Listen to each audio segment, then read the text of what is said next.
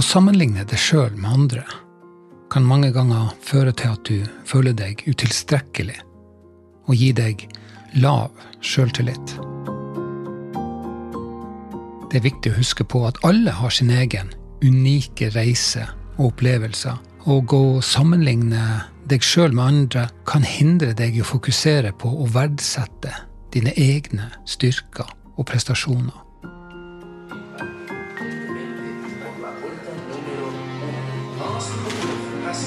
Når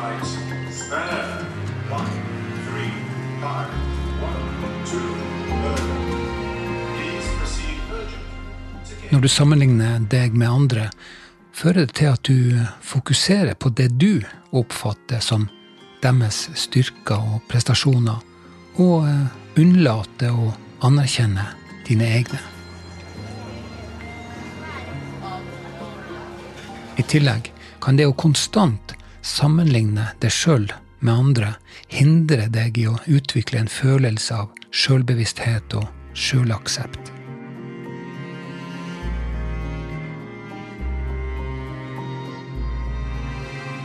Det å sammenligne deg sjøl med andre kan også føre til en usunn atferd, som perfeksjonisme og en besettelse av perfeksjon, som kan føre til utbrenthet.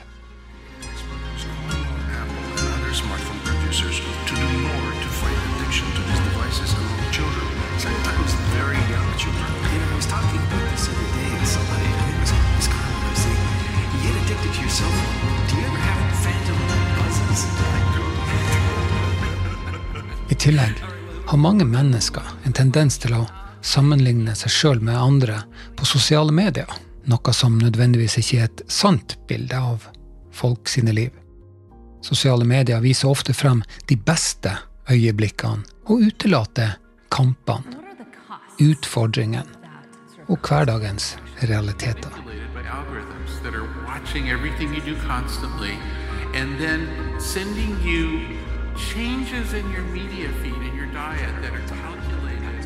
What does it feel like if we've been scrolling and, and had our, our face down and not breathing very much when we're scrolling for, say, 20 minutes? I mean, how, how do we feel on the inside? How do you feel on the inside? I feel like I uh, don't feel very good after that. Å sammenligne deg sjøl med andres redigerte høydepunkter kan skape en urealistisk forventning til deg sjøl.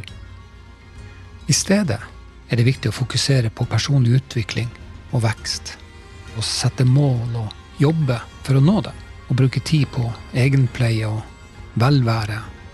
Og utvikle en følelse av takknemlighet for det du allerede har.